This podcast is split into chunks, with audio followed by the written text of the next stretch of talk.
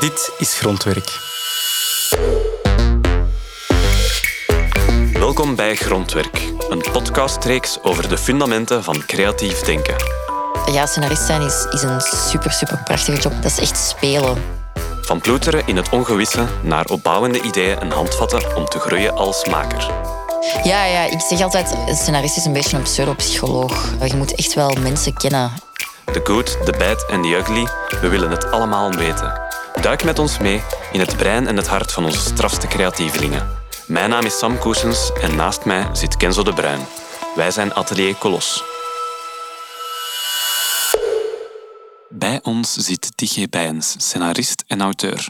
Haar verhalende kwaliteiten kun je ontdekken in fictiereeksen als Meisjes, Onderhuids en Lisa. Respectievelijk te bekijken op Ketnet, Streams en VTM. Liefhebbers van de betere debuutroman raden we zeker aan om over dit gevoel is nagedacht te lezen. Een boek over jonge twintigers in Antwerpen die het concept liefde in al haar brutale schoonheid exploreren. Daarnaast is ze actief in de raad van bestuur van de Scenaristengilde. Klinkt fancy en klinkt vooral als iemand met wie we graag in dialoog gaan over creativiteit. Goedemorgen. Goedemorgen. Hallo. Alright. Als mensen aan u vragen, Tigje, wat doe je eigenlijk in het dagelijkse leven? Wat zeg je dan als eerste? Ik zeg altijd dat ik scenarist ben, maar ik, de meeste mensen weten niet per se... Ja, scenarist is niet zo'n gangbaar woord. Allee, voor jullie wel waarschijnlijk. Voor mensen die het creatief doen wel, maar als ik daar gewoon aan mijn familie uitleg, zeg ik, ik schrijf voor uh, tv. Uh, ik schrijf fictieseries. En kunnen ze zich daar dan een beeld van vormen? Nee, dat blijft moeilijk, denk ik. Dat is gewoon niet zo'n. Um, dat blijft toch wel een niche of zo. Ik denk, denk dat voor veel mensen er een idee is dat zo'n dingen gewoon op set precies zo wat ontstaan of zo, een verhaal. En, en dat de regisseur daar veel mee te maken heeft en dat de acteurs denken: oh leuk, ik ga dit zeggen, want dat past bij dat personage of zo. Of, um, dat dat allemaal zo hard is uitgewerkt dat daar maanden, jaren aan vooraf zijn gegaan. Nee, ik denk dat mensen dat echt totaal niet beseffen. Is dat ook misschien eens het, het moeilijkste of zoiets om, om uit te leggen wat je doet? Is dat eigenlijk alles op voorhand moet uitgedacht zijn, of toch heel veel? Ja, ja zeker. Um, maar ja, er verandert natuurlijk daarna ook nog altijd heel veel. Dus het is, het is, het is dubbel. Het klopt ook niet helemaal. Je schrijft een versie van een verhaal en daarna schrijft een regisseur en acteur schrijven eigenlijk ook nog een versie. En dan in de montage is er nog een versie. Dus het is niet volledige verantwoordelijkheid ook niet. Dus ja, het is, het is heel moeilijk om het uit te leggen. Dus ik beperken tot ik schrijf voor tv. Dat is leuk. Zeg, en die versie dat jij schrijft, is dat de eerste versie? Is dat het idee? Of komt er iemand met een idee naar u en deelt jij dat op in een scenario? Ik doe, uh, ik doe beide, maar ik doe vooral... Ik heb de, de laatste jaren, ik ben nu um, vijf, zes jaar actief, denk ik, als scenarist, heel veel in opdracht gewerkt. De reeksen die uh, daar straks vermeld zijn, zijn allemaal in opdracht geweest. Er is niks daarvan dat echt mijn concept is. en zeker in die, bij die specifieke projecten ben ik in een vrij late fase er pas bij betrokken. Meisjes niet, maar dat was een remake van een bestaande reeks. Dus ik was de enige scenarist, maar ik had eigenlijk al wel een blauwdruk van wat het ongeveer moest zijn, want dat was al een succes geweest in Scandinavië. Dus uh, dat was mijn allereerste project en dus ook wel um, ja, heel handig om dat, ik, om dat op die manier te kunnen doen. Maar onderhuids en Lisa was ik deel van een groot team en er lag eigenlijk echt al heel veel. En ik heb toen eigenlijk vooral uh, dialoogversies geschreven. Dus dat is echt gewoon het scenario op uh, 30 pagina's uh, echt uitwerken op zijn niveau. En dan zijn er andere projecten waarbij dat ik meer betrokken ben bij, het, bij de beginfase. Uh, dat, er, dat er eigenlijk nog maar één zin ligt. En dat, ik daar, en dat wij verder samen die personages ontwikkelen. Maar ideeën van mezelf, die, waarbij dat ik dus de, de oorspronkelijke zin heb bedacht, die heb ik bij audiovisuele fictie nog niet, nog niet gedaan. Dat heb ik nog niet gemaakt. Lijkt dat leuker? Om van nul te beginnen zelf. Ja. Nee, er is eigenlijk een reden waarom ik het nog niet heb gedaan. In het begin, toen ik afgestudeerd was, ben ik heel overmoedig veel ideeën gaan pitchen bij productiehuizen. Met heel weinig ervaring op zak. Maar ik had helemaal geen idee eigenlijk nog niet wat dat de bouwstenen zijn van een goede fictieserie. En ik heb toen daar lang over nagedacht. En toen had ik een gesprek met Peter Boekhaart van iWorks, eh, hoofd van iWorks. En ik, uh, en ik vertelde van ja, ik vind het moeilijk om, um, om nu zomaar een idee te pitchen. Ik heb eigenlijk niks klaar voor u. Ik denk dat ik, ik, denk dat ik nog ervaring moet opdoen. En die zei toen ook tegen mij van dat is een goed idee. Ga gewoon, allez, iedereen moet zijn kilometers afleggen. En dat doet je wel best met andermans projecten en daar zien hoe, zij, hoe zijn zij daar opgekomen en daar verder mee aan werken. Ik heb heel veel respect voor mensen die direct afstuderen en uh, hun, eerste idee gemaakt krijgen en, en, direct steun krijgen van het FAF en direct eraan beginnen. Maar het uh, is niet het standaard parcours. Het standaard parcours is, is eerst heel veel ervaring opdoen. En dat doet je als je begeleid wordt um, met, door andere mensen. Dus um, nee, ik ben echt wel blij dat het zo is gelopen. Voelt je dat ook al nu, na vijf jaar, dat je al wat kilometers hebt? Ja, zeker. Ik merk ook dat mijn verantwoordelijkheid wordt ook wel groter. Bijvoorbeeld, ik kom binnenkort een reeks op VRT, Juliet. Daar heb ik uh, scenario's meegeschreven. Allee, ik heb vier van de zes afleveringen geschreven en ook echt wel mee aan het concept gewerkt. Al was het niet mijn, mijn startidee. Moest er een tweede seizoen komen, dan zou ik daar veel meer verantwoordelijkheid in dragen. Uh, en dat, dat, dat, wordt me dan gegeven. Dat is ook alleen maar omdat je die ervaring eerst hebt. Ah, wat merkt je dan? Dat je meer ervaring krijgt? Het gaat gewoon allemaal sneller. Uh, het nadenken over alles. In het begin, de eerste uh, maanden of jaren dat ik was aan het schrijven, kon ik echt een jaar aan een heel klein idee blijven vroeten. En, en, daar, en nu is het gewoon heel snel, allez, of heel snel, sneller. Dat je zegt van ja, oké, dit gaat gewoon niet werken. Dit, dit, we moeten het zo aanpakken. Die knopen zijn gewoon sneller doorgeraakt of zo. En ik denk, bij scenario is structuur heel erg belangrijk. En structuur is echt iets dat je jezelf internaliseert. In het begin lees je daar heel veel over en heb je echt zo, je bent aan het schrijven en je hebt daarnaast bijna je cursus erbij liggen om, om heel het af te tasten van, wacht, klopt dat nu? En staat dat op de juiste plaats? En hoe zou het moeten zijn? En nadat zoveel gedaan te hebben, zit die structuur gewoon in u. En ik kijk, kun je daar naar kijken en ziet je direct, hier mist iets, dat is dat. En dat is, de, dat is die scène dat daar zou moeten zijn. Ik vind het wel uh, bijzonder dat je zegt, ik ben eigenlijk afgestudeerd en ben direct superveel reeksen gaan pitchen. Dapper. Dat is dapper, ja. Ik vind dat super. Naïef, denk ik ook wel. Ja, maar ik vind ook ergens als je gelooft dat je moet gaan, moet je gaan. En dan uh, leert je daar ook weer van bij. En, en nu staat je hier, dus op zich denk ik dan, uh, dat gesprek met die man van iWorks had je allicht niet gehad als je niet gewoon direct was beginnen pitchen. Dus op zich. Maar um, ja, leg dat eens even uit, want ja, je studeert dan af en dan begint je gewoon rond te mailen. Ja, zo is het inderdaad gegaan. Ik ben echt gewoon beginnen mailen. Ik heb ook heel veel pitchwedstrijden uh, gedaan. Uh, er zijn er wel wat als scenarist, dus dat is wel een goede opstap. Onder andere op het Kortfilmfestival van Leuven is er een waar ik twee keer aan heb meegedaan. En da daarna volgt er ook een speeddate met verschillende productiehuizen. Dus dat is eigenlijk echt een supergoeie manier om jezelf te introduceren. En dan hebben zij ook uw kortfilmscenario gelezen. Dus dan zelfs al wordt er niks gemaakt met dat scenario, kunnen mensen wel je stijl zien en, en waar dat je mee bezig bent en waar dat u ligt. En dat kan wel deuren openen. En dat heeft voor mij wel bepaalde gesprekken in gang gezet. Uh, het scenario is nooit gemaakt, maar het gaat, maar, het gaat vooral over contacten leggen. Dus wat je zegt, is, dat is heel ja, naïef om gewoon zomaar te beginnen rondmailen van hey, mag ik koffie komen drinken? Maar ik denk wel dat dat de enige manier is om het te doen. Je moet gewoon op gesprek mogen gaan. En ik heb bij een aantal productiehuizen gemerkt dat jaren later ik ineens een mail kreeg. Wilt je nog eens langskomen? We hebben hier iets en we denken dat dat iets voor u is. En dat is bij verschillende productiehuizen gelopen. Zelfs al is daar dus jaren over gegaan. Dus ik denk dat dat zeker moet. Maar ik heb ook de standaard anderhalf jaar in de horeca gewerkt. Ik denk dat dat wel ook gewoon iets is dat je moet aanvaarden als je begint in een creatieve sector. Dus het, eigenlijk is dat een beetje het verspreiden van je portfolio. Wat laat je dan precies achter als je zo op de koffie gaat? Is dat dan een soort synopsis? Is dat één A4? Is dat een klein bundeltje met wat kort verhalen? Of concepten? Ja, ik had altijd wel uh, een paar concepten voor fictiereeksen, die ik dan op twee pagina's of zo, dus two-pager is, is zo wel the way to go of zo. Op twee pagina's heb je een concept ruw uitgelegd, alleen audiovisueel concept toch alleszins. Soms is mijn kortfilmscenario, ik had er eentje waarmee ik dus op, in Leuven gepitcht heb, dat heel absurd was, maar wel uh, goed in de smaak viel. En ik dacht, oké, okay, dat, dat daar ben ik wel trots op ook, dus dat wil ik wel delen. Dus dat vooral, maar je moet ervan uitgaan, er is niet veel tijd voor mensen om dingen te lezen. Dus het is echt niet de bedoeling om daar af te komen met een, ja, dit is mijn langspeelfilm lezen, want dat gaat echt letterlijk niemand doen. Dus het is iets beknopt hebben om te laten lezen. En voor de rest is het denk ik ook wel, kan ik wel echt zeggen, ik heb heel veel chance gehad met hoe mijn gesprekken zijn verlopen, dat, het, dat dat aangename gesprekken waren. Ik denk dat je ook gewoon een heel deel van als scenarist aan de slag gaan, is ook wel een beetje je persoonlijkheid. En hoe dat je overkomt en hoe dat je uitlegt van dit is wat ik wil maken of dit is waar ik mee bezig ben. En dat is nog belangrijker dan wat het er al op papier staat. Ik denk dat ze het potentieel in u moeten kunnen zien, zonder dat het er al ligt. Dat je ook in een grote productie moet kunnen meedraaien. Inderdaad. Maar ook dat uw ehm, karakter past bij het karakter van een scenarist. Ja. Dat klinkt misschien klinkt vaag, want wat is dat? Of er zijn natuurlijk honderden, duizenden karakters en niet. En dat zijn ook... Wat is het karakter van de scenarist? Het karakter van een scenarist is, ik denk, dat mensen, de meeste scenaristen zijn best bescheiden. Want je zit echt in die onderste laag van een project. En na afloop is er ook niemand die je naam kent.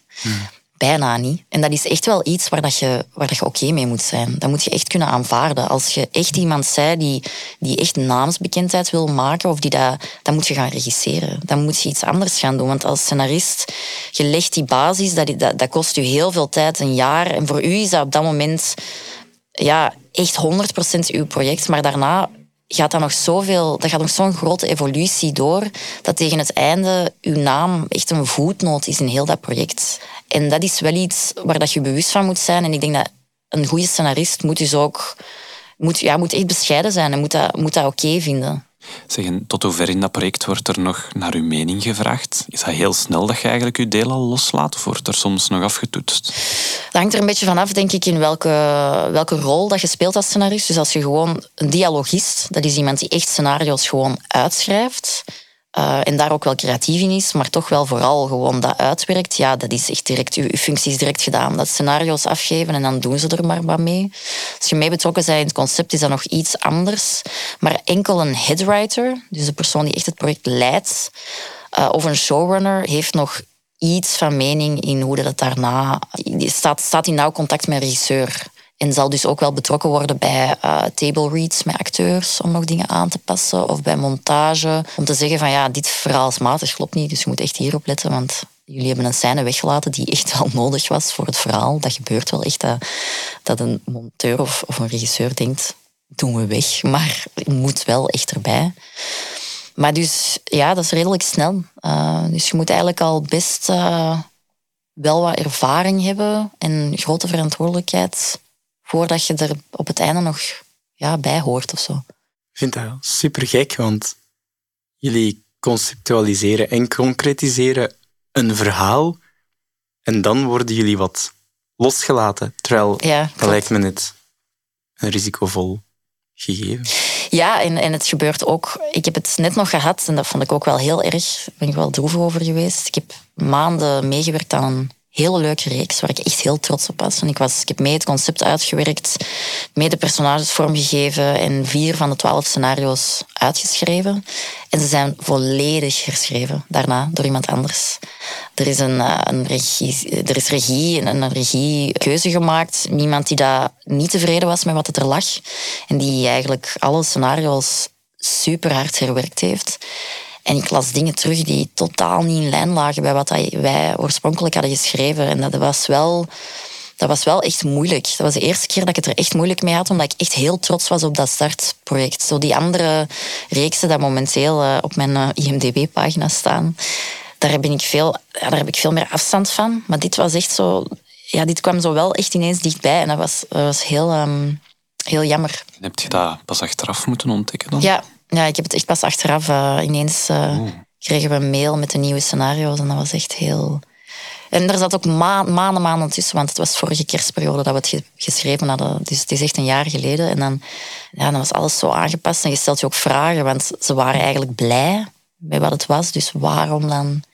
Ja, what happened? Je hebt nog geen antwoorden gekregen? We hebben wel, ja, we hebben wel uh, we hebben geprobeerd, want ik was mijn team met drie schrijvers. We hebben wel we hebben wel contact genomen en gezegd van wow, dit is wel echt uh, een beetje chockerend of zo. Ja, er kwamen allerlei excuses en het moest allemaal snel gaan en het moest dit en het moest dat. Maar ja, zo'n dingen gebeuren. Je wordt dan niet gebeld door die regisseur die zegt, ah, ik ben hier en hier niet tevreden van. Die, die ik had er stelt geen gewoon, contact mee. Met die, die stelt gewoon iemand anders aan. Um, nee, die, die heeft niet, er is niemand anders bij betrokken geweest. Het is zo, dus er, was een, er was een headwriter, um, iemand waar, dat wij, waar ik op zich goed mee overeenkwam en die ik ook niet per se veel kwalijk neem hoor, want het is, allez, het, het, is gewoon hoe dat het gaat. En die stond in nauw contact dus met die regisseur, dus dat die had die eindverantwoordelijkheid. Wij waren dus eigenlijk klaar met ons werk, klaar met onze toevoeging. En dan moesten er nog rewrites gebeuren, maar wij hadden op dat moment allemaal andere projecten gaande, want zo gaat het. Je, je stopt met een project, ja, er moet nieuw werk binnenkomen, dus je neemt andere dingen aan en je begint met andere dingen. En dan ineens moeten er toch nog dingen herschreven worden van die oorspronkelijke scenario's, maar dat past totaal niet in die planning. Dus wij konden eigenlijk niet anders dan zeggen, ah ja, oké, ehm, ja, we zullen proberen, maar, maar dit is de enige tijd dat we hebben. En dan hebben we niks meer gehoord over die mail. En dan is er dus, is, ja, is er dus heel hard herschreven geweest zonder dat wij dat wisten. Ehm, maar ja, omdat wij dus ook niet veel tijd hadden, was het een beetje de enige... Ja, kon het ook niet anders. Maar dat, dat was ja, dubbel. Heel dubbel. Is het dan ook weer een stukje van die persoonlijkheid die je moet hebben als scenarist? Je creëert iets, je bent creatief, snel en veel. En dan moet je het eigenlijk stuk per stuk afgeven aan de rest van de, de hele molen waar dat, dat project doorgaat.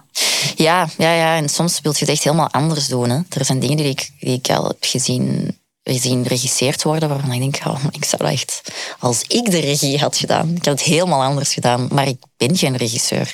Ik heb totaal geen ambitie om dat te zijn, ook niet. Maar je ziet wel dat er best veel scenaristen na verloop van tijd overschakelen op regie, omdat dat echt een frustratie is. Ja, ja dat is. Dat, dat, dat merk je wel. En ik snap dat, dat dat een keuze is. Van waar komt dat, die liefde voor taal, om te schrijven? Ja, ik heb dat altijd gehad. Altijd heel veel gelezen. Mijn ouders lazen ook heel veel. Mijn mama die las heel veel. Mijn, mijn vader keek heel veel films. Dus dat is eigenlijk altijd zo wat geweest. En ik denk dat mijn oorspronkelijke verhalen molen bij Barbies is begonnen.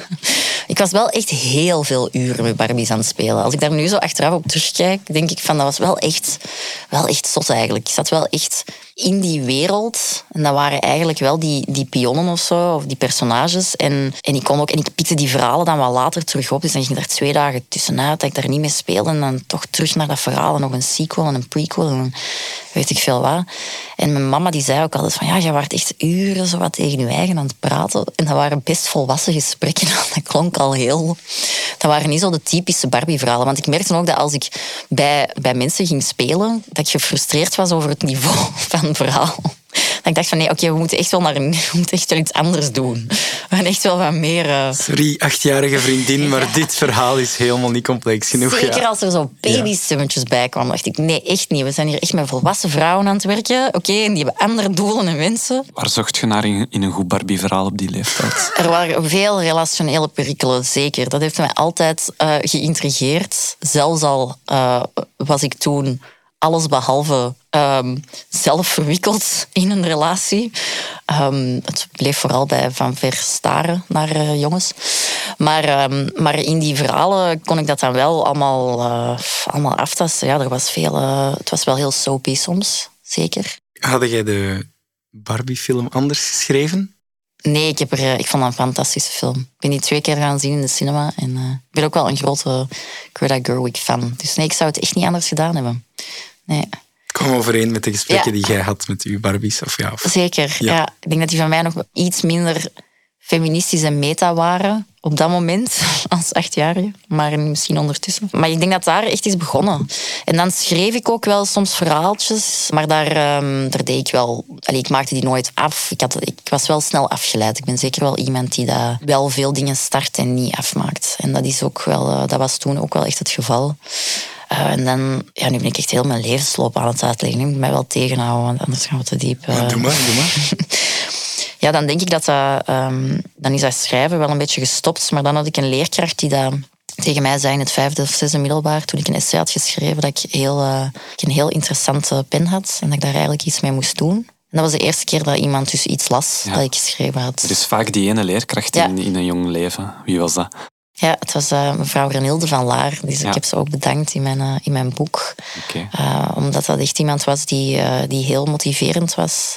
En dat betekende wel echt veel voor mij, dat hij dat zei. Van, dit, is echt, dit is echt goed. Um, Bent je dan anders gaan kijken naar je eigen schrijfsels na die feedback? Ja, ik ben zeker meer beginnen schrijven. Ik ben terug meer beginnen schrijven. Want ik denk als tiener zakt dat dan zo wat in. Hè. Dan zet je zo even, het is ook niet cool om te schrijven als tiener. Dan moet je andere dingen doen. Um, zeker geen kort verhalen schrijven. en, uh, dus dat was even dan helemaal weg. Ja, dan kwam dat wel terug. En dan ben ik dus ook taal en letterkunde gaan studeren. En dat denk ik dat niet gebeurd was als dat niet had plaatsgevonden.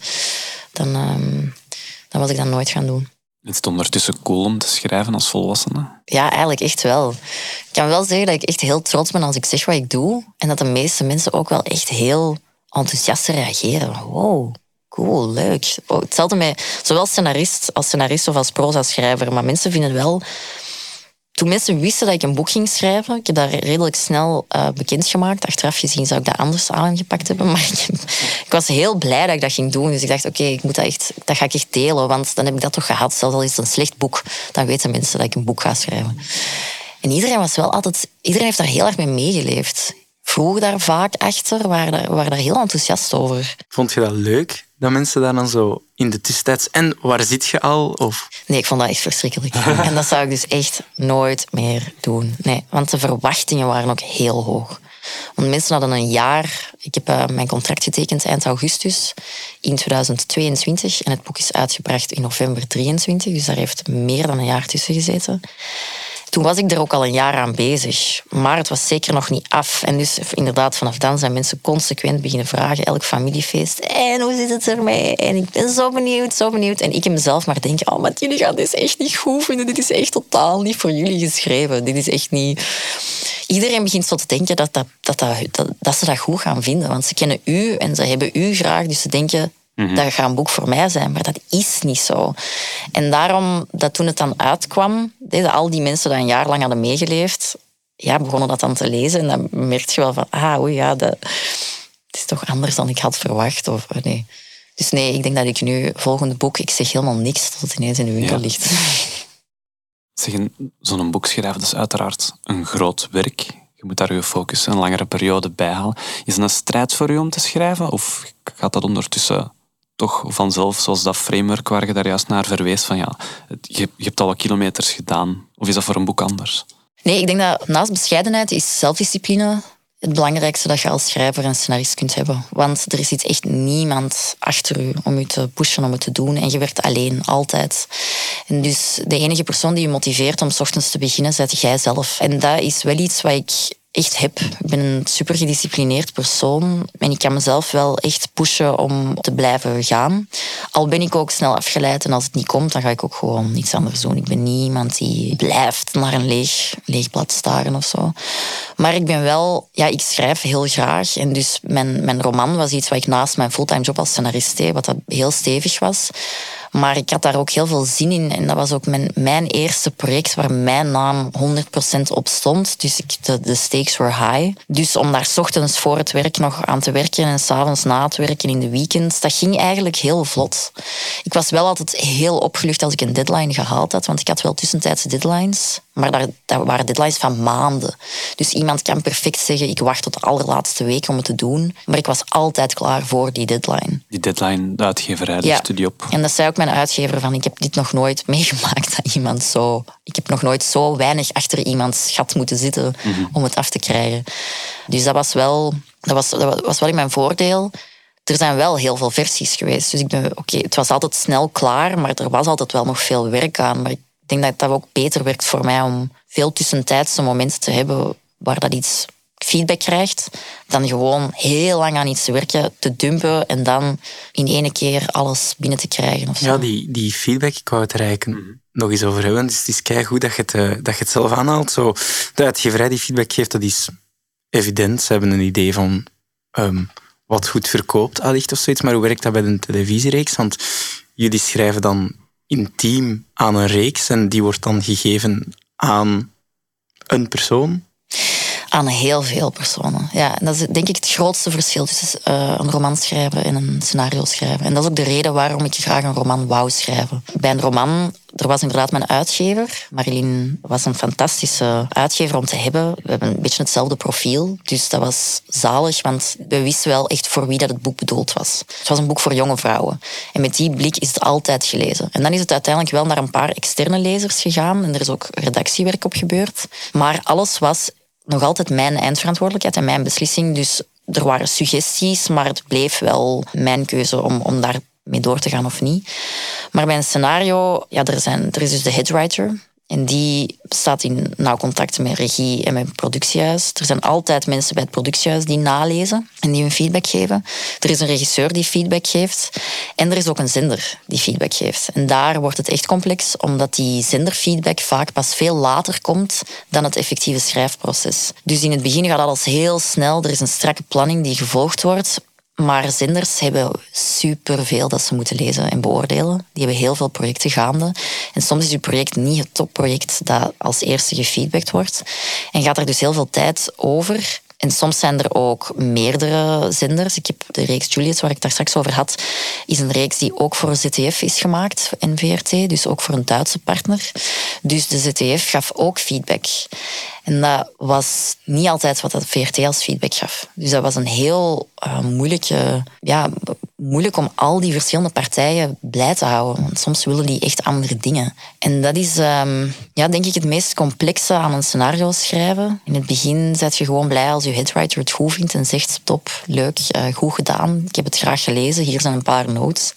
Maar dan begint het echt pas. Dan komen er echt notes na notes na notes. En dan heb je dus echt iemand nodig die dat vooral kan verdedigen die heel goed kan zeggen, we gaan toch dit doen. En ook als de zender daar niet blij mee is, we gaan daar geen rekening mee houden. Dat vind ik super interessant dat je dat zegt, want ik ging er altijd vanuit, er wordt een product gepitcht, de zender zegt, oké, we gaan dat uitzenden, dan wordt het gemaakt en dan wordt het uitgezonden. Ik had niet gedacht dat een zender ook in het creatieproces feedback zou geven om mee te sturen dat dat binnen hun visie zou passen als zender. Ja, ja, ja dat is, uh, ik, ik, weet niet of het altijd zo geweest is, maar er zijn een paar figuren bij elke zender. En wij kennen die dan allemaal bij naam. Dan mm. is het zo, ja, die heeft weer dat gezegd of die heeft dat gezegd. En die uh, lezen alles na. Dus dat is ook wel voor hen, denk ik... Het is een job waar ik ook wel respect voor heb, want dat moet ons... Dat is een volume. Dat, ik heb al een paar keer meegeschreven aan een telenovela. Dat zijn vaak 300 tot 600 afleveringen, die dat allemaal gelezen worden door iemand bij een zender, die daarnaast ook nog eens elke dag nog vijf andere reeksen leest. Maar dat maakt het ook, denk ik, moeilijk om soms feedback te geven. Want bijvoorbeeld, soms krijg je een note, dit hebben we al in een andere reeks. En dan mag dat niet meer. Maar eigenlijk in principe zou dat niet moeten uitmaken, want het zijn toch twee verschillende reeksen die op een ander moment worden uitgezonden. Maar ja, zij lezen dat dan op korte tijd, dus voor hen wordt dat dan één ding. En dan moet dat er toch uit of dan moet dat toch aangepast worden. Volgens mij, er, is geen, er zijn geen objectieve notes. Dat bestaat niet, dat kan niet. Um, en dat merk je wel. En dat is soms wel moeilijk. En soms wordt er ook een noot gegeven die dat achteraf met terugwerkende kracht, waarvan dat ze beseffen, oei, dat was toch, dat hadden we niet mogen zeggen. Of dat was, was de, foute, de foute suggestie of zo. Dus daarin, ja, er, er zijn toch een aantal mensen nodig die echt altijd voet bij stuk houden. Lijkt het evenzeer moeilijk, omdat als zij een noot geven ergens helemaal in het begin, dan heeft dat ook implicaties op het einde soms. Als ze daar dan op terugkomen, dan moet je eigenlijk weer alles herlezen en zien dat de chronologie nog klopt. Ja. Ik heb ooit, ik heb het zelf niet, het is niet mijn eigen verhaal, maar ik heb een vriend scenarist die dat een reeks had bedacht voor een zender. En uh, nadat heel de reeks was uitgeschreven, kwamen ze met de suggestie: we zouden graag willen dat de middelste aflevering de eerste aflevering wordt. En dat was zo chockerend, want dat betekent dus dat die eerste vier afleveringen gewoon voor de vuilbak waren. Zij hadden ineens het inzicht gehad dat ze vonden dat het te traag op gang was en dat het middenpunt zoals het er lag het begin moest zijn. En dat was zo'n grote rewrite en dat, dat werd zo'n andere reeks dat die vriend van mij ook gewoon ermee gestopt is. En heeft beslist van, dan ga ik het toch niet verder schrijven voor jullie. Want dit is een te grote verandering. Zeg je al die feedback die je krijgt, heb je dan het gevoel van, kan ik hier nog creatief in zijn met mijn eigen idee of ben ik gewoon een schrijffabriek voor de zender? Bij sommige projecten zet je een beetje een schrijffabriek, denk ik. Maar dan kies je daar ook wel bewust voor. Of dat is, dat is toch iets waar je meestal van op de hoogte bent. Bijvoorbeeld soaps of langlopende reeksen daar zet je heel hard een schakel in een heel groot systeem. Dus dat heeft wel iets fabriekachtig. Maar een goede scenarist, denk ik, kan ook wel de fun er blijven inzien en, en blijven spelen met wat er ligt. En blijven spelen met de notes. Maar dat is niet evident en er zijn momenten dat je kwaad bent en dingen niet wilt gebruiken. Maar het is wel, ja, de, kracht zit echt wel in dan toch blijven denken van we gaan er het beste van maken. Ik hoor heel hard wat je vertelt van ik moet mijn plek wel kennen in die grotere schakel als scenarist. En het is ook al even over discipline gegaan. Kunt je ons eigenlijk eens meenemen, zo een standaard werkdag, als het al bestaat, Hoe ziet dat eruit voor u? Ja, de standaard werkdag. Het hangt ervan af of ik met mensen werk of, of zonder mensen. Uh, want als ik met, werk, met mensen werk, dan is dat een brainstorm in een productiehuis. En dan is dat gewoon uw classic standaard werkdag van oké, ik ga daar naartoe met de trein meestal. En we zitten daar acht uur aan een stuk te praten over de reeks. En er worden dingen op een bord gezet of er, worden, er wordt een verhaal gebied. En er wordt ook veel gelachen en er worden veel persoonlijke anekdotes gedeeld. Want uh, dat kan soms wel helpen. Soms ook te veel. Dan moet je daar ook wel de rem op zetten of zo. En er wordt ook wel veel gegeten. dat lijkt ook wel zo aan standaard. Ja. Veel brain food. Ja. Ik heb ook ooit een, uh, vorig jaar een kerstromkom uh, en dan hebben wij de hele tijd adventkalenders zitten eten tot op het punt dat ik echt ik kan geen adventkalender meer zien. Maar dat was toen wel leuk. Uh, maar een standaard werkdag dat ik zelf schrijf, ik ga meestal s ochtends voordat ik begin te schrijven lopen. Dat helpt heel hard voor mij om even um, in buiten te zijn geweest en mijn dag gezond te starten. Omdat een, schrijf, een schrijver heeft een heel ongezond leven. Je, ziet echt, je hebt echt een zittend gat nodig, zeggen ze. Maar ik heb dat helemaal niet. En dan moet je dus uren aan een stuk achter je computer zitten of aan je staanbureau, maar dat is niet leuk. Dus ik ga altijd even lopen. Dat is gewoon ook goed om wat energie op te doen of zo. En, en ook al wat buiten te zijn geweest en je voor te bereiden op de marathon achter de, achter de computer. Ja, en dan is het echt gewoon... Ik heb een kantoor uh, waar ik naartoe ga, want ik werk niet graag thuis. Um, dus dan ga ik naar dat kantoor en dan is het echt gewoon meestal bij mij in één druk. Dus ik zou nog sneller beginnen om 12 uur, om tot uh, 5, 6 uur aan één stuk door, door te werken, dan dat ik s ochtends begin een lange pauze pak of zo. Ik ben wel gewoon uh, een lange blok schrijven, schrijven, schrijven. Klinkt wel een beetje als topsport op die manier. Ja, ja, op een bepaalde manier. Maar er zijn schrijvers die het helemaal anders aanpakken. Hè. Um, er zijn mensen die heel vroeg beginnen of die, ja. dat, uh, die dat lange pauzes pakken of frequentpauzes pakken. Maar ik ga wel graag in de zone. En dan, um, en dan zit ik daar en dat is, ook, dat is ook hoe ik vroeger studeerde. Dus voor mij werkt dat wel om dat gebald te doen. Of zo. Raak je snel in de zone? Zoals iedereen heb ik mijn momenten van YouTube-filmpjes. Uh, ik denk dat dat erbij hoort.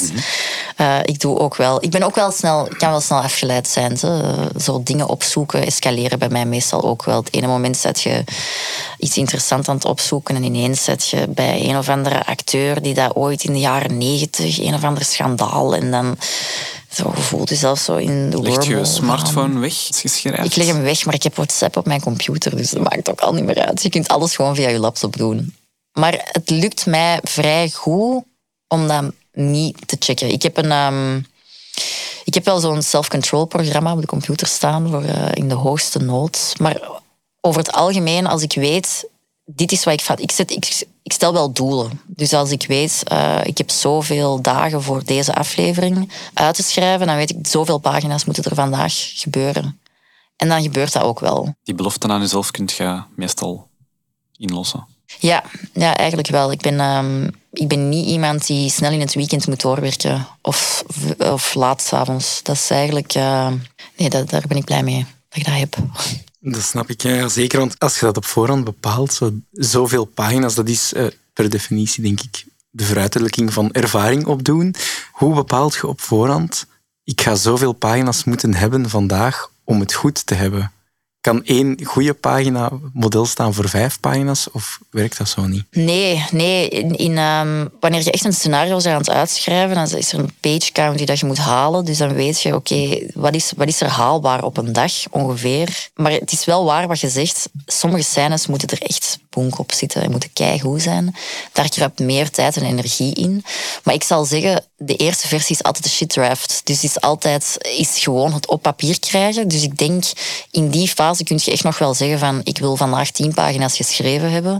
Maar ik probeer wel altijd te mikken op een dag waarbij ik dus alles al heb geschreven, om dan alles nog te herschrijven. En die rewrite is minstens even belangrijk. En dan zet je natuurlijk wel soms vier uur bezig aan één pagina. Dat kan dan wel. Maar die tijd moet je zelf kopen. Dus dat doe je door eerst snel te werken en dan in de diepte te gaan, denk ik. Voor die eerste snelle worp van, van een deel van een scenario, dat idee komt wel uit uw hoofd? Of is dat dan ook toch meestal naar een nog kortere synopsis? Ja, als je effectief een scenario uitschrijft, dat doet je dus echt pas wanneer er al veel ligt. En daarom, dat, dat is wel belangrijk om erbij te zeggen, het is heel haalbaar dan om dus tien pagina's te schrijven in dialoogvorm, want je hebt al zoveel werk geleverd. Een dialoog is echt, dat is de kers op de taart. Dat is ook het leukste om te doen, want dat is echt spelen. Dat is, dat is de reward dat je krijgt om heel hard te werken. Want er gaan brainstormdagen voorbij of, of dagen dat je aan het werken aan een concept dat er bijna niks op papier belandt. En dat je echt naar huis gaat echt moed in de schoenen van hoe gaan wij dit ooit afkrijgen? Hoe, hoe zelfs? Dus dat is wel een groot verschil. Als je echt nog bent aan het werken aan een synopsis, dan zie je je werkdag er ook wel echt anders uit. Dan kan dat echt... Uh, Oh, dat kan zo traag gaan. Want wat ik nu hoor is, in mijn hoofd is dat iets heel lineair. Je, er zijn afleveringen en je schrijft die van links naar rechts chronologisch. En hoofdstuk per hoofdstuk rolt het er dan wat uit. Maar het is eigenlijk helemaal niet zo. Je komt eerst met een grote spanningsboog voor die serie, dan met een concreter idee, concreter indeling per aflevering, verhaalstructuren die nog anders in elkaar overlopen. Dus het is eigenlijk echt iets dat je van de kern uit opbouwt, tot ja. tenslotte als heel het skelet goed zit mochten het nog aankleden met, met de perfecte dialoog. Ja, en dat is ook een heel groot verschil met, een roman. Want een roman is iets wat heel intuïtief kan gaan. En ik had wel een blauwdruk voor waar dat ik naartoe wilde gaan. Maar voor de rest was het eigenlijk heel de tijd alsof ik was aan het... Ja, zo een... een um, noemen ze dat? Zo'n grote sprei waar dat je zo stukjes aan blijft. Een deken, waar dat je dan nog eens een stukje en nog eens een stukje aan vastmaakt. Een lappendeken? Ja, een lappendeken is wat ik bedoel. Maar een, een scenario is inderdaad helemaal anders. Dat is echt... Uh, dat start heel klein en dat wordt groter en dieper. En bij die brainstorms waarvan dat je spreekt, ik stel me dan ook zo'n grote muur voor, vol met post-its en draden, waarbij dat de verhaallijnen met elkaar verbonden worden. Is dat echt zo? Ja, die draden die zijn er niet. Die draden die zijn mentaal. Maar inderdaad, ja, een grote, grote post-it muur, dat klopt wel. Dat is wel echt zo het clichébeeld dat echt gewoon de waarheid is. En een personage wordt dat ook zo helemaal omschreven? Heeft dat een eigen uitgebreide, ja, een uitgebreid verhaal ook op voorhand? Ja, ja, ik zeg altijd, een scenarist is een beetje een pseudopsycholoog. Je moet echt wel mensen kennen en wat dat mensen drijft en ehm, verlangens en obstakels. En dus je gaat wel heel diep in die psychologie. Dat is wel echt essentieel. Je kunt dat ook niet doen, maar dan merk je gewoon aan je scenario. Dat is gewoon veel minder gelaagd. Een echt goed scenario is volgens mij een scenario waarbij je voortdurend begrijpt waarom dat iemand de keuzes maakt dat ze maken. Dus daarvoor moet je iemand echt heel goed kennen. Dus je bent inderdaad mensen aan het maken. Wat ook wel gek is, een beetje godlike. Ja, uh, waar leert je dat? Uh, hoe dat mensen in elkaar zitten? Ik lees heel veel. Ik ben echt een 100% non-fictielezer eigenlijk. Want voor een scenarist heb ik eigenlijk heel erg weinig fictiereeksen gezien. Dus je moet mij niet vragen momenteel waar dat je absoluut naar moet kijken, want ik heb het niet gezien. Ik ben heel traag in dingen zien. Ik heb vroeger wel als, als kind uh, en als student op het Rits super veel films gezien. Ik heb echt wel heel, heel, heel veel. Ik heb heel de IMDb top 250 bijna gezien. Maar uh, in de laatste jaren, sinds dat ik zelf schrijf, zie ik heel weinig. Omdat als ik dan tijd heb om iets te zien of te, te lezen, zal ik sneller iets non-fictie lezen, omdat dat de wereld is. Je zit al heel de dag in die fictieve wereld en dan wilt je even, ja, je wilt even weten wat er echt is. En dat is ook hetgene dat je helpt om te schrijven. Ik lees graag psychologieboeken. Ik vind dat gewoon een heel interessant onderwerp. En dus dat, dat helpt super hard. Er is ook in mijn, in mijn boek bijvoorbeeld dan heb ik een paar verantwoordingen, eh, een paar werken die ik, naar, waar ik naar gerefereerd heb. Onder andere de podcast Psycholoog. Dat is een super interessante podcast over psychologie. Ja, dat soort dingen, daar, daar, daar ga ik echt heel goed op. Dat vind ik echt heel leuk. Om op die manier mensen beter te leren begrijpen. Maar ik ben natuurlijk geen psycholoog. En dat is wel soms een gevaar dat je voelt van je gaat wel zo bijna in een vakgebied gaan waar dat je eigenlijk niks te zoeken hebt. Want ik heb geen psychologiediploma. Maar je begint dat wel te denken, omdat je dus met die materie heel te bezig bent. Maar het is wel een vereiste om de wereld een beetje te begrijpen om een goede scenarist te zijn.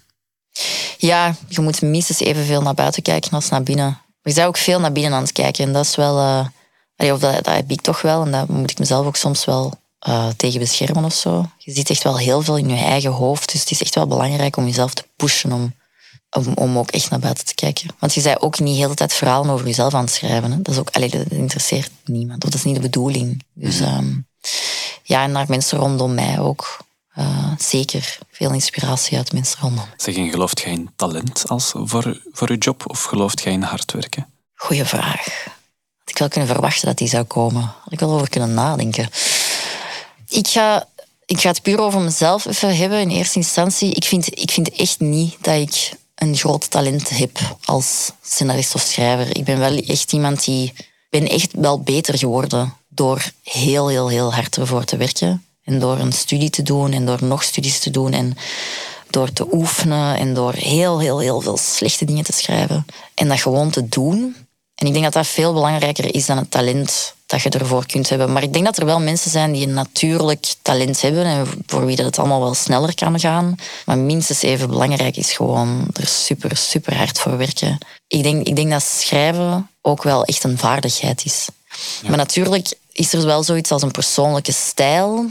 En dat, dat is vaak, ja, dat is dan wel misschien meer talent dan echt vaardigheid. Want vaardigheid zou betekenen dat je gewoon heel veel mensen zou kopiëren. Maar ik denk dat die stijl wel kan ontwikkelen en wel beter kan worden. Dus ja, ik ga toch gaan voor dat ik, ik denk niet echt dat het zo talentmatig is. Maar wel persoonlijkheid.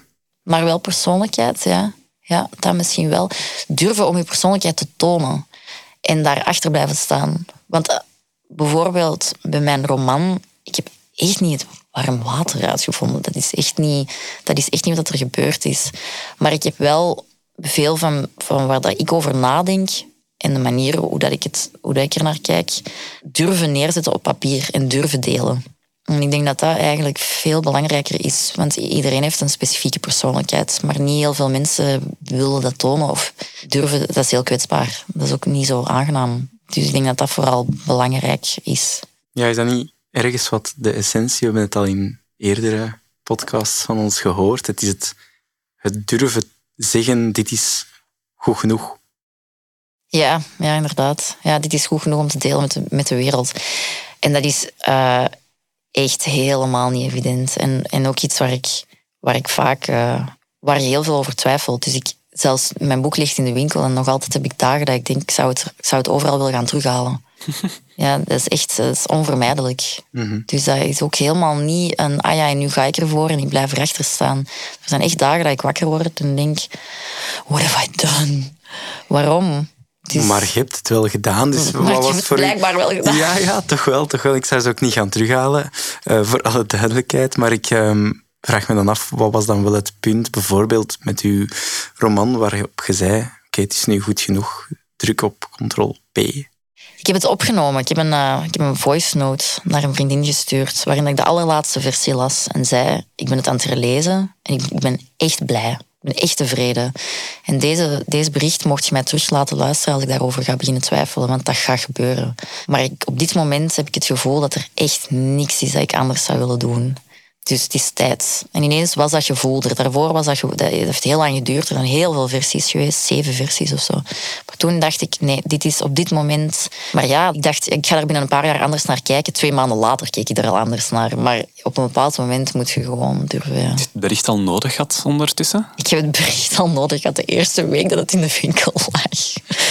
Ja, de eerste, ehm, de eerste en de enige iets wat officiële recensie dat dan kwam, um, heeft mij heel hard doen twijfelen. En dan heb ik het eigenlijk al direct nodig gehad. Op welke manier?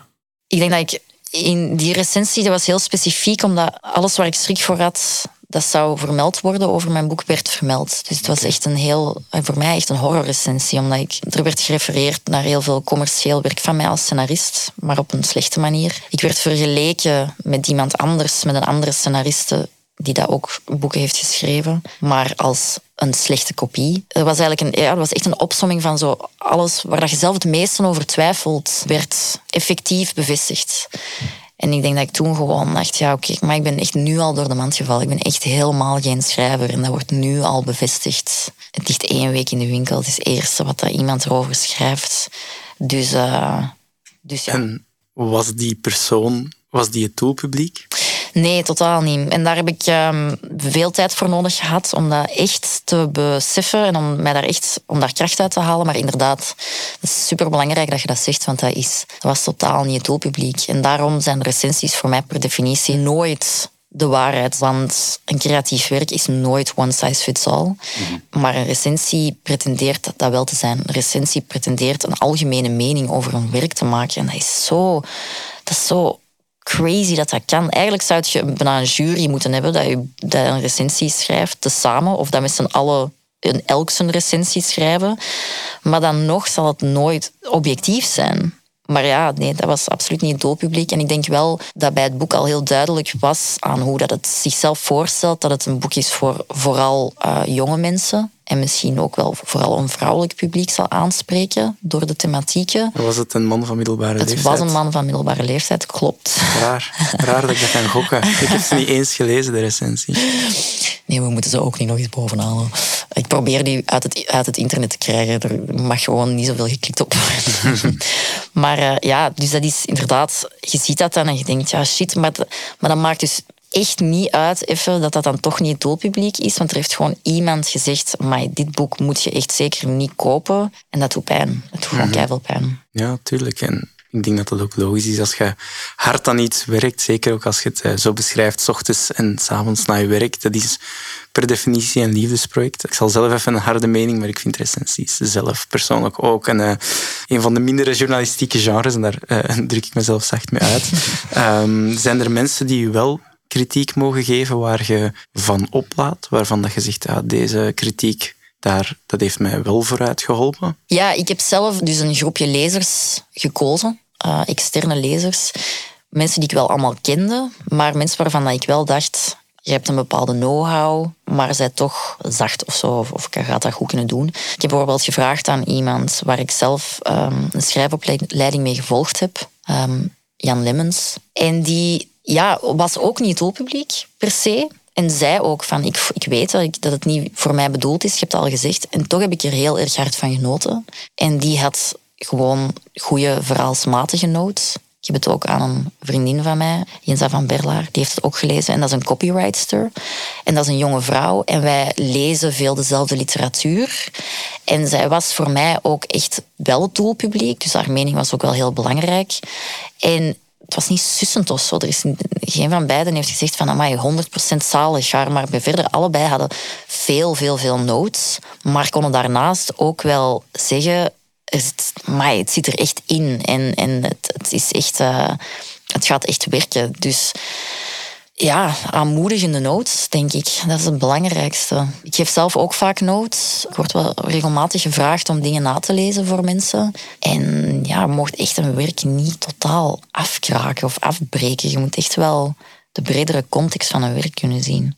Bent op een voetstuk gaan staan, je hebt dat in de wereld gezet. Dit is van mij, dit ben ik. ik heb dit Uw naam staat er ook helemaal op. Het is helemaal van u, heb je in het begin gezegd. Merkt je nu al, het is een paar maanden uit, dat dat invloed heeft op uw fulltime job als scenarist?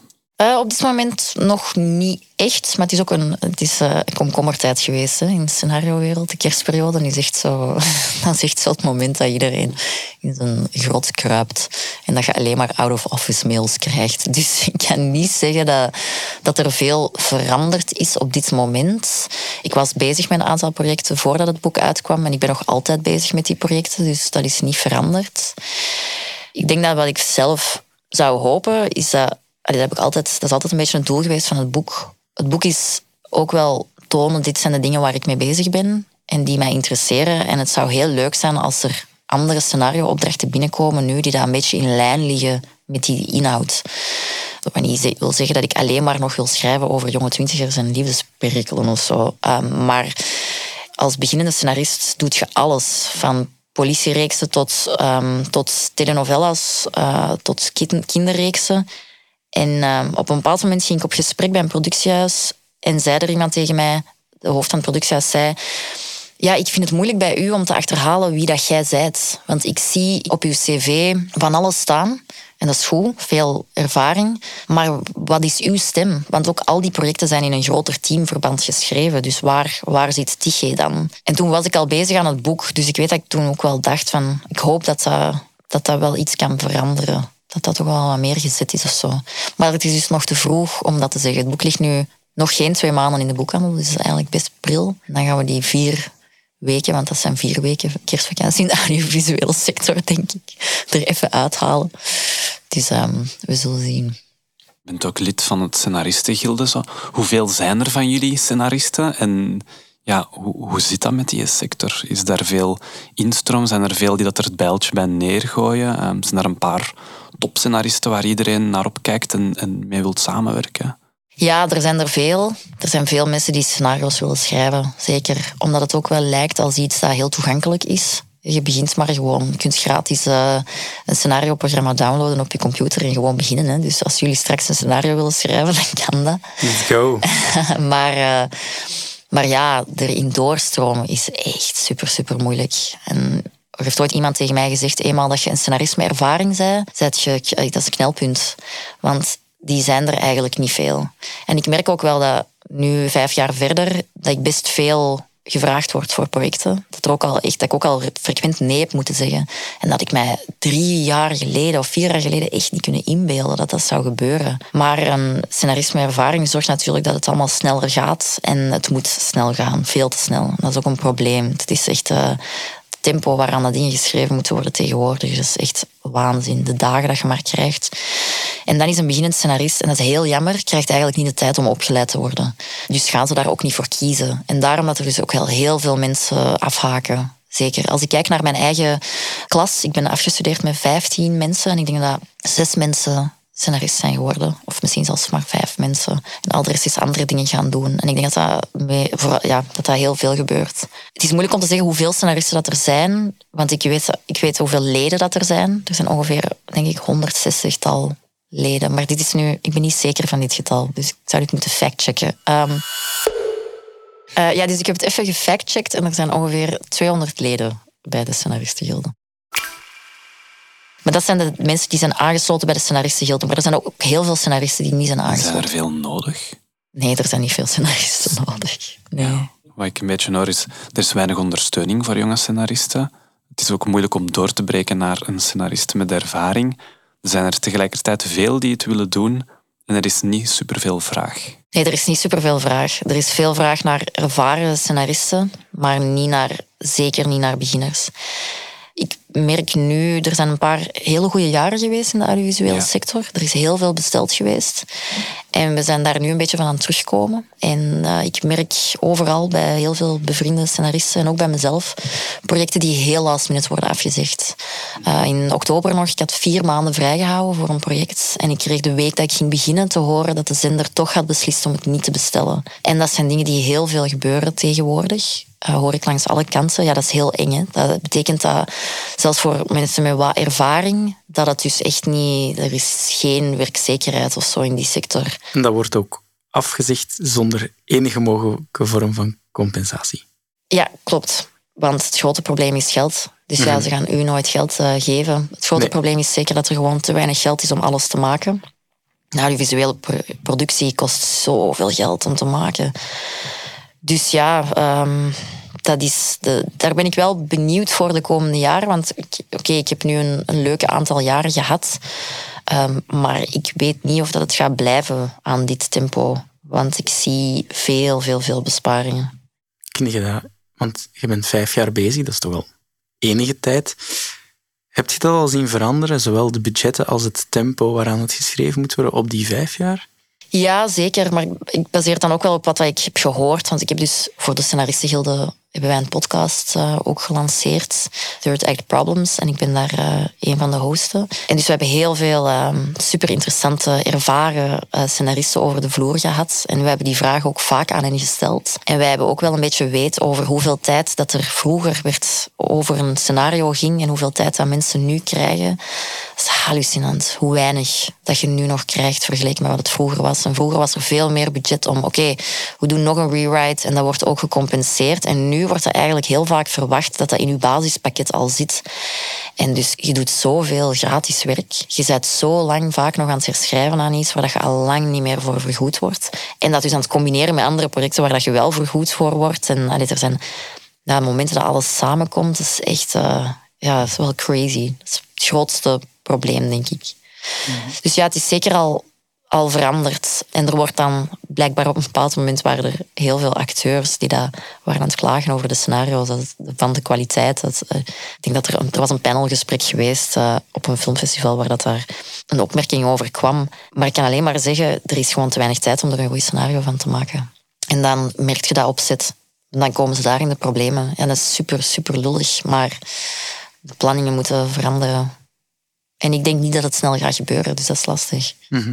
Als er nu toch iemand jong met die ambitie luistert en, en die wilt in die richting bewegen met zijn of haar professionele carrière, wat zou je dan meegeven dat de mooie kanten zijn van wat je doet? Ja, dat is goed dat je dat vraagt, want uiteraard is het een fantastische job. En ik heb de eerste twee jaar heel veel geweend, omdat het maar niet was aan het lukken. En heel veel getwijfeld over of dat, dat wel was wat ik zou moeten doen. En toch was er iets... Elke keer als ik dacht, ik ga de handdoek in de ring gooien, elke keer als ik niet was geselecteerd voor iets of een project niet kreeg of, of gewoon ja, even tussen echt onderdoor zat, was er altijd zo iets dat ineens precies mij riep en zei, nee, je moet het wel doen er was altijd zo, dan ineens was er zo toch een opstekertje of zo. Dus ik heb me altijd laten leiden door die opstekertjes. En gewoon blijven gaan. En uiteindelijk is het wel gelukt. Dus ik denk wel, het is echt wel mogelijk. Maar je mocht gewoon, je moet echt wel doorzetten.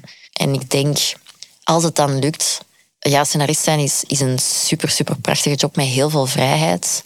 Dat is echt spelen. Elke scenarist dat we al geïnterviewd hebben in onze podcast, zei hetzelfde, namelijk elke dag vraag ik mezelf af, is dit wel werk? Want dit voelt echt totaal niet als werk. En ik denk dat veel creatieve mensen dat hebben. Dat is echt zo dat speeluurtje dat je vroeger had, die leukste vakken op school, waarbij dat je eindelijk eens mocht tekenen of muziek maken. En dan nu doet je dat for living.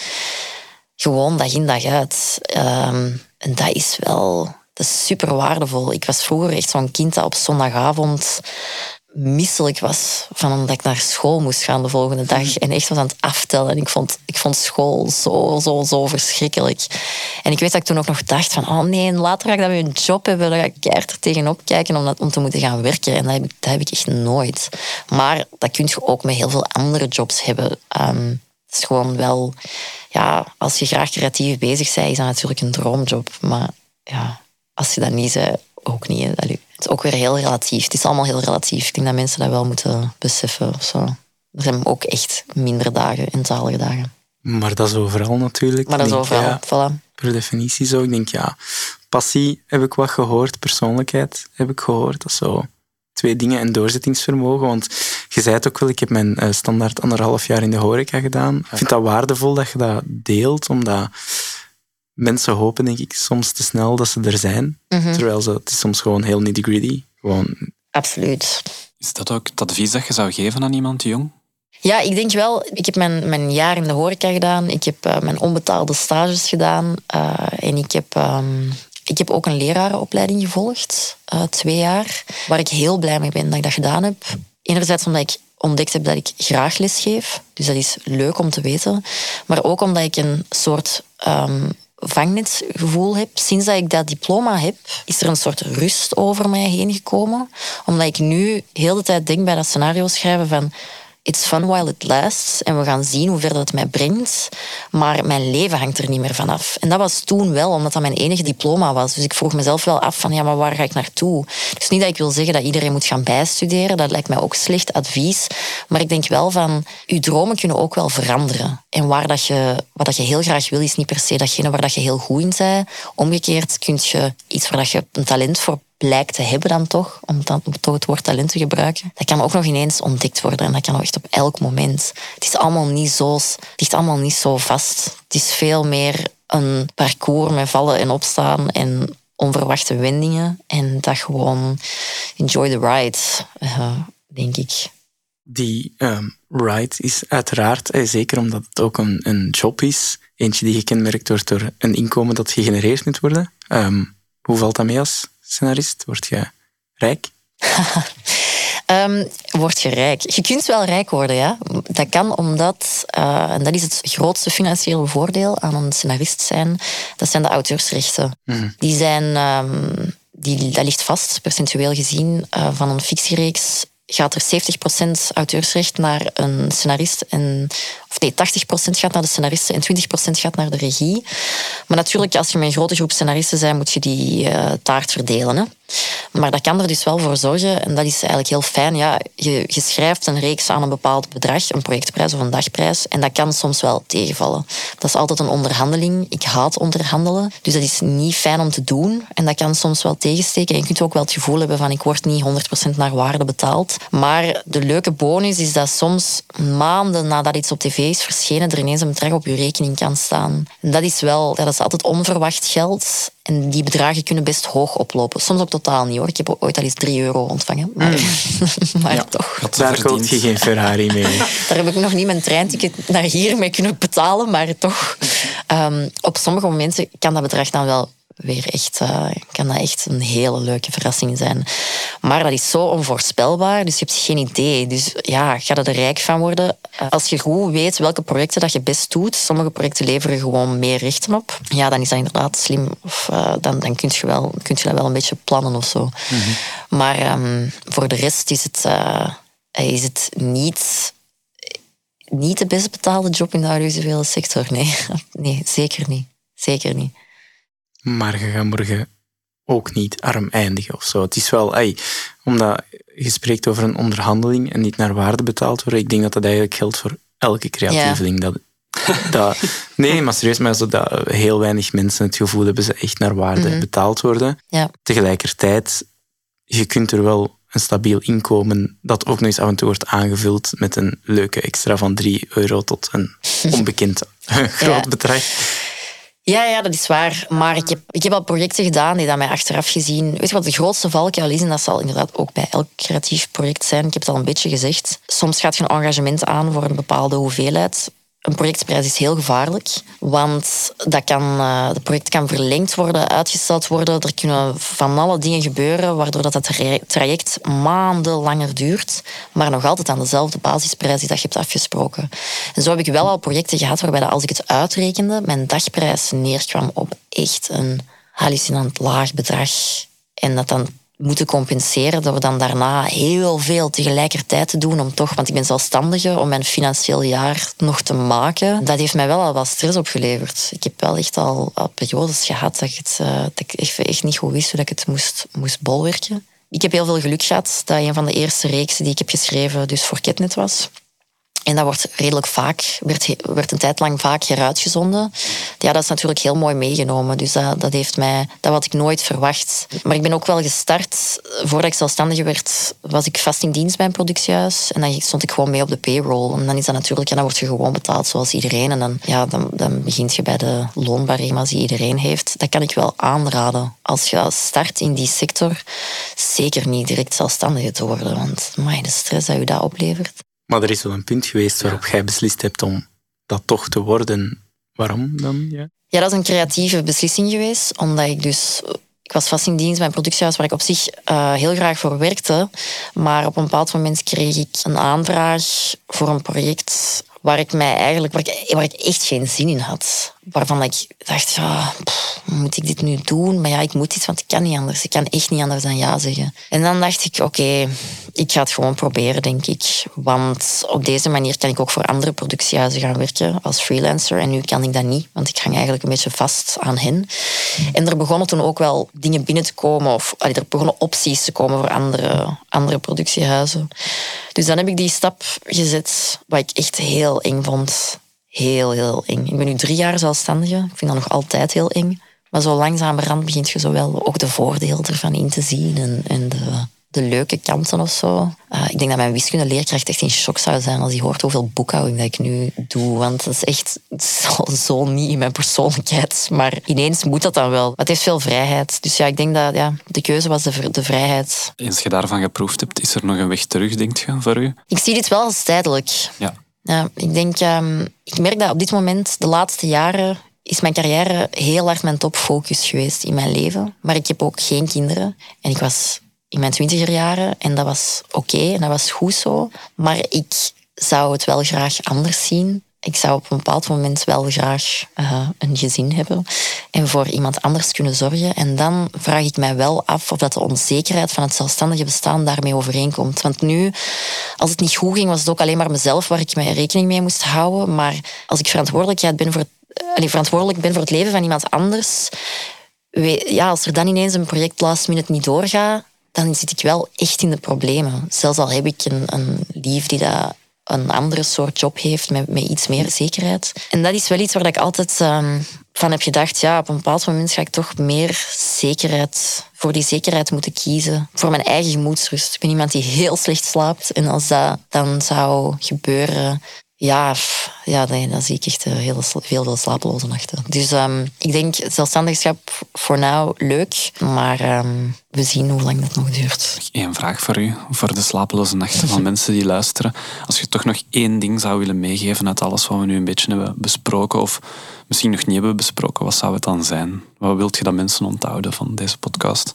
Ik, er straks was ik mezelf zo aan het beschrijven en dan ging het heel hard over die bescheidenheid en die zelfdiscipline. En dan dacht ik even zo, maar ik ben mezelf zo precies als een of andere Ubermensch aan het beschrijven. Maar dat ben ik wel dus echt totaal niet. Ik ben ook gewoon echt iemand die ook heel snel afgeleid is, veel in paniek schiet, veel twijfelt, vaak ook verlamd is door die twijfel, feedback heel persoonlijk kan nemen, zelfs al hoort het erbij. En dat is ook echt heel oké. Ik denk dat een scenarist bovenal ook gewoon echt een heel menselijk persoon moet zijn. Want je schrijft heel de tijd over mensen. Dus kwetsbaarheid en jezelf kwetsbaar durven opstellen binnenin die job. Dat denk ik dat mensen meer zouden mogen doen. Um, en dat denk ik ook echt oké is. Dus uh, je kunt maar gewoon je best doen. Dat klinkt zo lullig om te zeggen, maar dat is wel echt zo. Dus als ik een beschrijving heb gegeven van iets waar dat mensen zich dan zo totaal niet in herkennen of denken van oh, ik heb eigenlijk heel weinig zelfdiscipline, ik denk dat dat ook wel echt oké is. Dan vind je wel een andere manier. Of je groeit dat ook, je kweekt dat ook. Ik denk dat we wel een pak maakbaarder zijn dan dat we denken. En als je iets echt heel graag wilt, dan gaat je er wel voor en dan, dan lukt het wel uiteindelijk. Of het lukt niet, maar dan is dat ook niet je eigen schuld.